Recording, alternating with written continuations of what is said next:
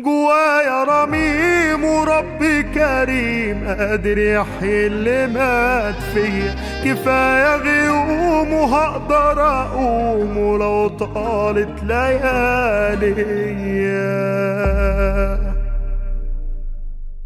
بيبقى شيء مؤلم جدا ومزعج جدا إن البني آدم رغبته في الإقبال على الله تطفي بسبب تربية دينية منفرة.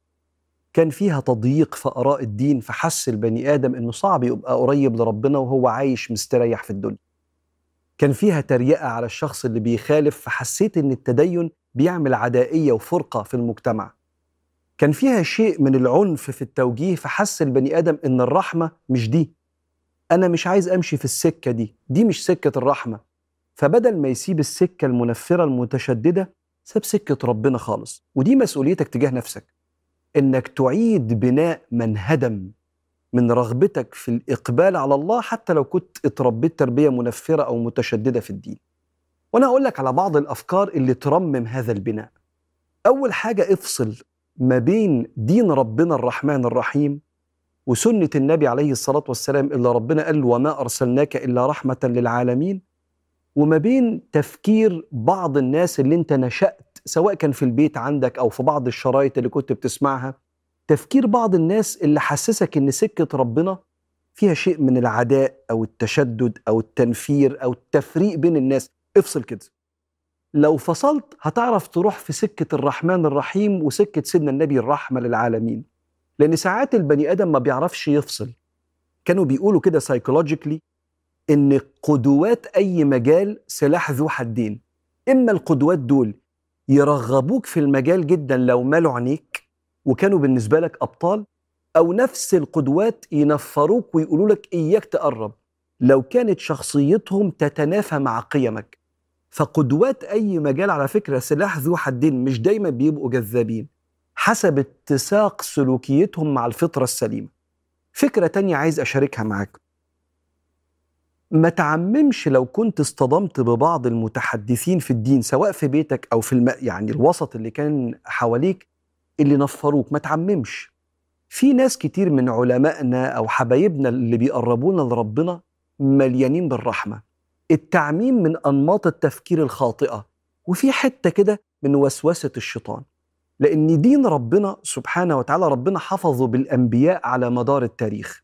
ثم كان سيدنا النبي عليه الصلاة والسلام هو خاتم النبيين والمرسلين. بس النبي قال عليه الصلاة والسلام العلماء ورثة الأنبياء. وكان يقول عليه الصلاة والسلام يحمل هذا العلم من كل خلف عدوله. ينفون عنه تحريف الغالين وانتحال المبطلين وتأويل الجاهلين. الكلام ده معناه إيه؟ في كل جيل كل خلف في ناس عدول. العدل هو القريب لربنا الصادق في أخلاقه. يعني متدين يعرف أحكام الدين وكمان صادق في أخلاقه ومعاملته مع الناس. فهو عنده الدين والأخلاق العلم والأخلاق. كل جيل هيجي ناس يحافظوا على الدين. يعملوا فيه إيه؟ ينفون عنه يعني يشيلوا منه تحريف الغالين. الغالي هو المتشدد المنفر اللي زود في الدين أفكار خلت الناس تطلع بره الدين. تحريف الغالين. وانتحال المبطلين المدعي اللي بيقول على نفسه متعلم وهو مش متعلم وضرره في كلامه أكتر من نفعه من تريقة أو تشدد أو تفريق ما بين الناس وتأويل الجاهلين. تأويل يعني تفسير التفسيرات للأحكام اللي بيقولها مش متعلم ولا عنده أستاذ ولا أستاذ وعنده أستاذ بس هو حب الظهور هو اللي خلاه يتكلم في حاجة غالية زي الدين.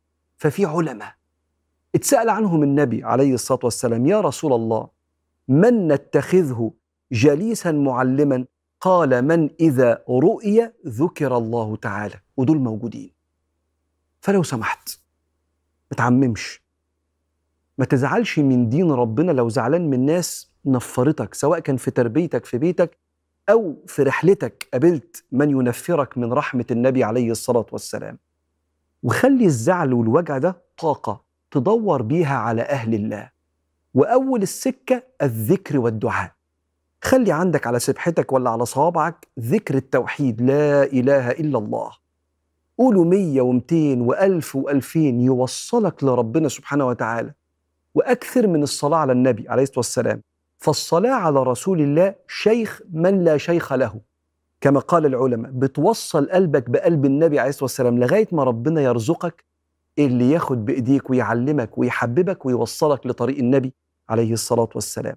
لكنها مسؤولية أن تعيد بناء وترميم من هدم وافتقد من رغبتك في الإقبال على الله بعد هذه التربية الدينية المنفرة.